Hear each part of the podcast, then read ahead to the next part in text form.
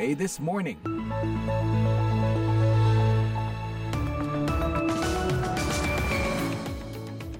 Selamat pagi, selamat berjumpa lagi dalam siaran VOA This Morning edisi Selasa 14 November 2023.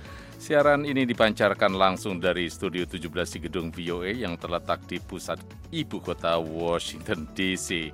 Saya Leona Triano kebira sekali bisa mengantarkan siaran ini dan kali ini saya didampingi oleh produser Bani Rahayu dan teknisi kami Nick Ivanov. Thank you Nick for being with us today. Alright, berbagai laporan terkini dan informasi menarik telah kami siapkan di antaranya hingga detik ini, Senin sore waktu Amerika, Presiden Indonesia Joko Widodo masih melangsungkan pertemuan bilateral dengan Presiden Amerika Joe Biden di Gedung Putih. Satu anak terbunuh di Gaza. Lebih dari 66 persen adalah korbannya adalah wanita dan anak-anak. Human life seems meaningless, but for me, every life is precious. KPU tetapkan tiga pasangan capres-cawapres pada Pilpres 2024. telah dinyatakan memenuhi syarat dan dinyatakan sebagai pasangan calon presiden dan wakil presiden untuk pemilu serentak 2024. Pendengar Anda juga bisa menyimak siaran ini melalui streaming langsung atau tunda di website kami www.voaindonesia.com atau melalui podcast VOA This Morning lewat platform langganan Anda. Sebelum kita ikuti berbagai laporan tadi, kini kita awali dengan berita dunia pagi ini bersama Nur Hadi Sucahyo. Presiden Amerika Joe Biden menyambut kedatangan Presiden Indonesia Joko Widodo di Gedung Putih Senin sore. Dalam pertemuan yang berlangsung sekitar satu jam lalu, Biden menyampaikan sambutan pertama di mana mengucapkan terima kasih kepada Presiden Jokowi atas kepemimpinannya di ASEAN. Sementara Presiden Jokowi dalam sambutan yang telah disiapkan sebelumnya menghimbau Amerika untuk melakukan lebih banyak hal untuk menghentikan kekejaman di Gaza dan demi kemanusiaan segera melakukan gencatan senjata. Selain bicara soal konflik Israel-Hamas, Jokowi juga menegaskan kesiapan Indonesia meningkatkan kemitraan di antara kedua negara menjadi kemitraan strategis yang komprehensif. Namun ia menggarisbawahi perlunya menentukan skala prioritas dalam kerjasama itu agar dapat berkontribusi pada perdamaian dan kemakmuran di kawasan dan di dunia. Tidak ada satupun dari kedua pemimpin yang menjawab pertanyaan wartawan seusai pertemuan tersebut. Mantan pemimpin Inggris David Cameron secara sensasional kembali menjadi bagian dari pemerintah Inggris sebagai Menteri Luar Negeri pada Senin ketika Perdana Menteri Rishi Sunak mengocok ulang tim puncaknya seiring dengan semakin dekatnya pemilihan umum pada tahun depan.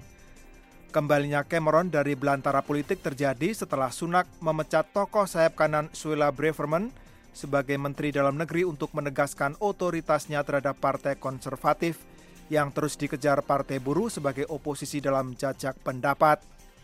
James Cleverly dipindah dari Menteri Luar Negeri untuk menggantikan Braverman setelah kritik yang menuduhnya terkait meningkatnya ketegangan sepanjang pekan-pekan di mana demonstrasi pro-Palestina maupun protes tandingan yang kontroversial.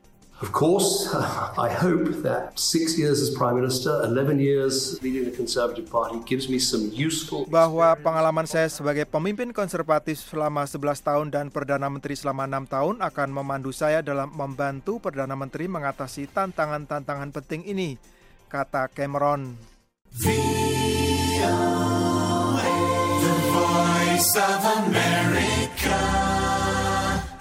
Rusia mengatakan telah melakukan serangan udara di Provinsi Idlib, Suriah yang membunuh lebih dari 30 anggota dari grup teroris. Moskow adalah pendukung penting bagi pemimpin Suriah Bashar al-Assad yang menyediakan dukungan militer, politik, dan ekonomi baginya sepanjang satu dekade perang sipil di negara itu. Serangan-serangan itu telah menghancurkan tempat perlindungan dan kamp pelatihan bawah tanah bagi kelompok teroris Jabat al-Nusra, membunuh 34 kombatan dan melukai lebih dari 60 orang, kata laporan itu. Moskow masih menggunakan nama lama dari grup yang saat ini lebih dikenal dengan sebutan Hayat Tahrir al-Sam. AFP tidak dapat memverifikasi laporan tersebut.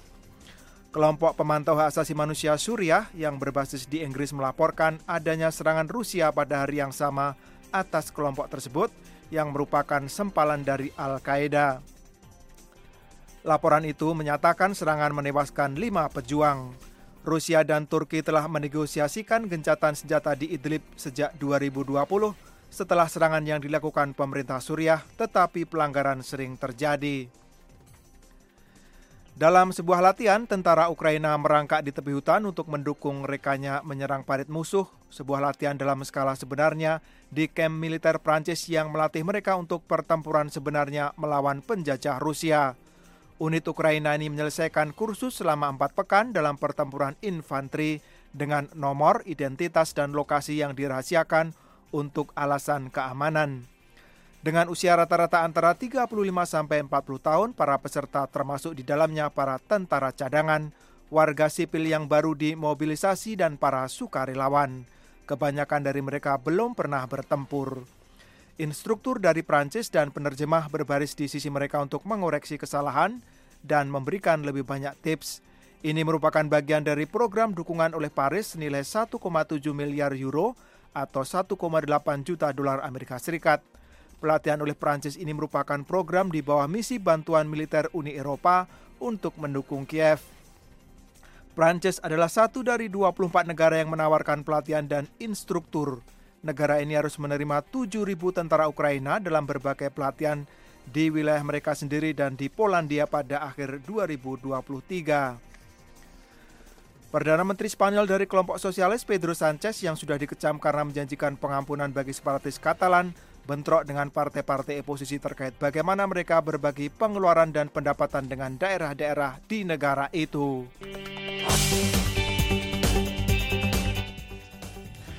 Pendengar seperti diketahui, Presiden Indonesia Joko Widodo sedang berada di ibu kota Washington DC dan sore ini atau tepatnya pagi ini waktu Indonesia bagian Barat uh, atau sebenarnya ya sejak sekitar sejam yang lalu dia bertemu dengan Presiden Amerika Joe Biden. Untuk itu langsung saja kita menuju Gedung Putih dan kita temui jurnalis VOA Valdia Baraputri. Valdia, silakan. Meski bukan aktor regional, suara Indonesia, negara dengan penduduk muslim terbesar di dunia, dinilai berpengaruh dalam rencana jangka menengah dan panjang penyelesaian konflik Israel-Palestina, termasuk kemungkinan dibahasnya kembali solusi dua negara. Yang masih menjadi pertanyaan tentunya seberapa intens Jokowi akan mengkomunikasikan keprihatinan Oki dan tentunya keprihatinan rakyat Indonesia melihat konflik Israel-Hamas dan potensi dampaknya ke depan. Yang jelas, banyak pakar menilai Jokowi sedianya hati-hati menyampaikan hal ini pada Biden, mengingat sikap kedua negara yang saling bertolak belakang dalam masalah di Gaza. Jika sampai terjadi ketegangan, diperkirakan dampaknya bisa berimbas ke isu penting lain yang direncanakan dibahas dalam pertemuan Biden-Jokowi ini. Isu-isu tersebut termasuk prospek kerjasama nikel Amerika-Indonesia. Saat ini Indonesia sedang mengupayakan perjanjian perdagangan bebas terbatas dengan AS agar nikel Indonesia bisa mengakses pasar Amerika. Selain nikel, Amerika juga akan meningkatkan hubungan diplomatiknya dengan Indonesia menjadi mitra strategis komprehensif, status hubungan diplomatik tertinggi bagi negara non-sekutu yang tahun depan bakal merayakan 75 tahun hubungan keduanya. Sebelum bertemu Biden, Jokowi Senin pagi juga sempat menerima CEO Freeport McMoran Richard Atkerson di Hotel Waldorf Astoria, Washington DC, di mana ia menginap. Dalam kesempatan itu, Jokowi menyambut baik pembahasan mengenai penambahan saham Freeport di Indonesia hingga perpanjangan izin tambang yang telah mencapai tahap akhir. Demikian laporan kami di Gedung Putih. Kita kembali ke studio. Thank you, Valda. Valdia ya, Valdia Baraputri tadi. Dan kini kita beralih ke laporan dari Indonesia. Komisi Pemilihan Umum KPU menetapkan tiga pasang, saya ulangi tiga pasangan ya, bakal calon presiden dan wakil presiden untuk pemilihan presiden 2024. Fatih Wardah melaporkannya dari Jakarta.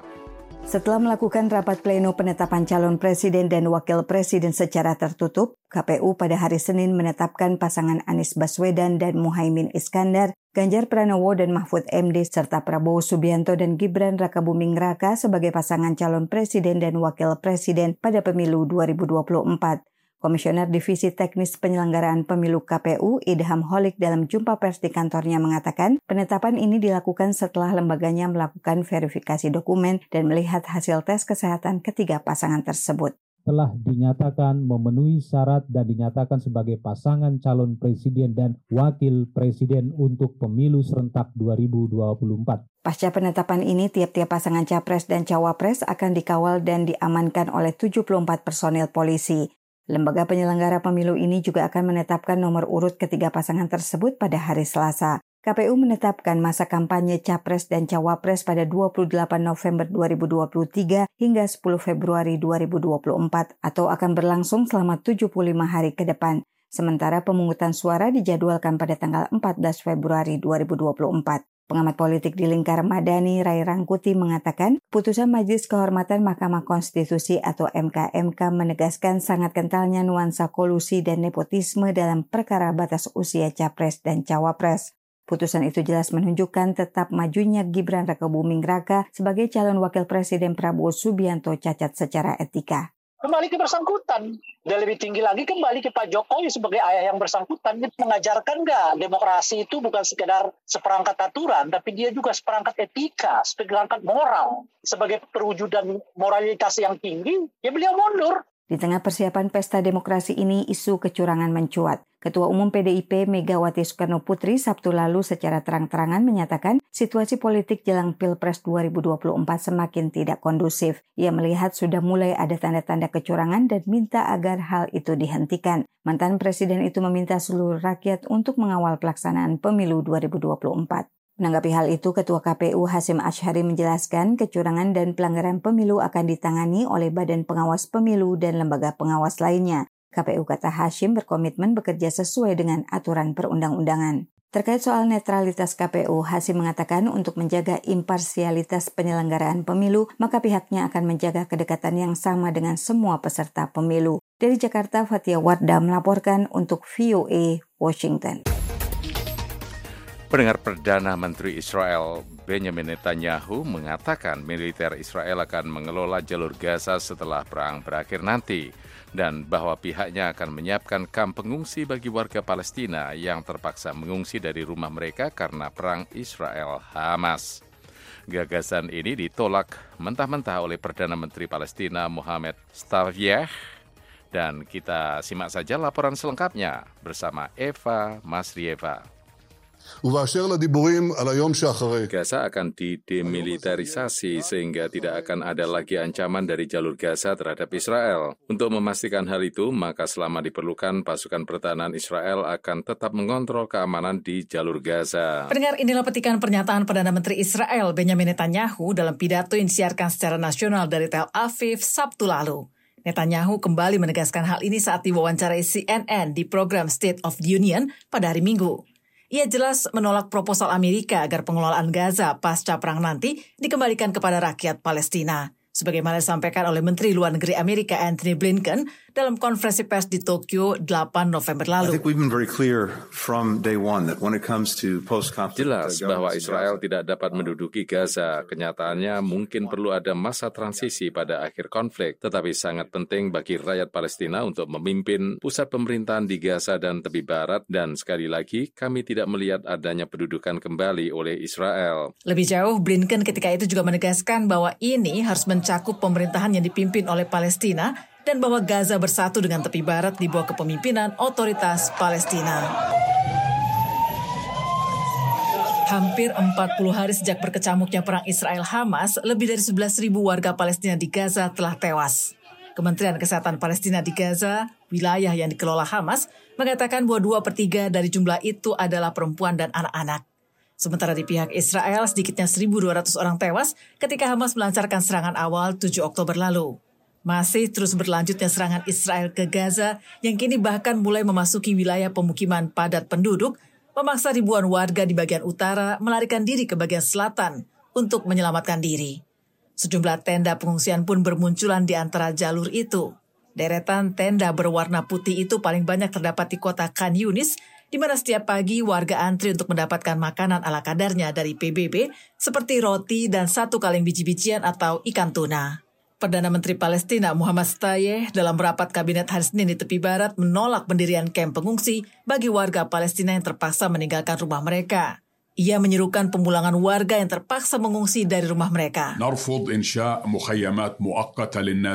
Kami menolak pendirian kam-kam sementara bagi para pengungsi seperti yang diminta oleh tentara Israel pada organisasi-organisasi internasional. Kami ingin rakyat kami kembali ke rumah mereka di mana mereka dipindahkan secara paksa. Dalam sejarah Palestina tidak ada yang namanya sementara karena pengalaman telah mengajarkan kepada kita bahwa yang sementara itu bersifat permanen. Keberadaan warga Palestina yang dengan tergesa-gesa mendirikan tenda-tenda PBB di Khan Yunis itu membuka kenangan menyakitkan tentang eksodus massal yang oleh warga Palestina disebut sebagai Nakba atau malapetaka. Pada bulan-bulan sebelum dan selama perang tahun 1948, sekitar 700 ribu warga Palestina melarikan diri atau diusir dari wilayah yang sekarang dikenal sebagai Israel. Banyak dari mereka yang berharap untuk kembali ke rumah mereka ketika perang berakhir, tetapi semua harapan itu sirna.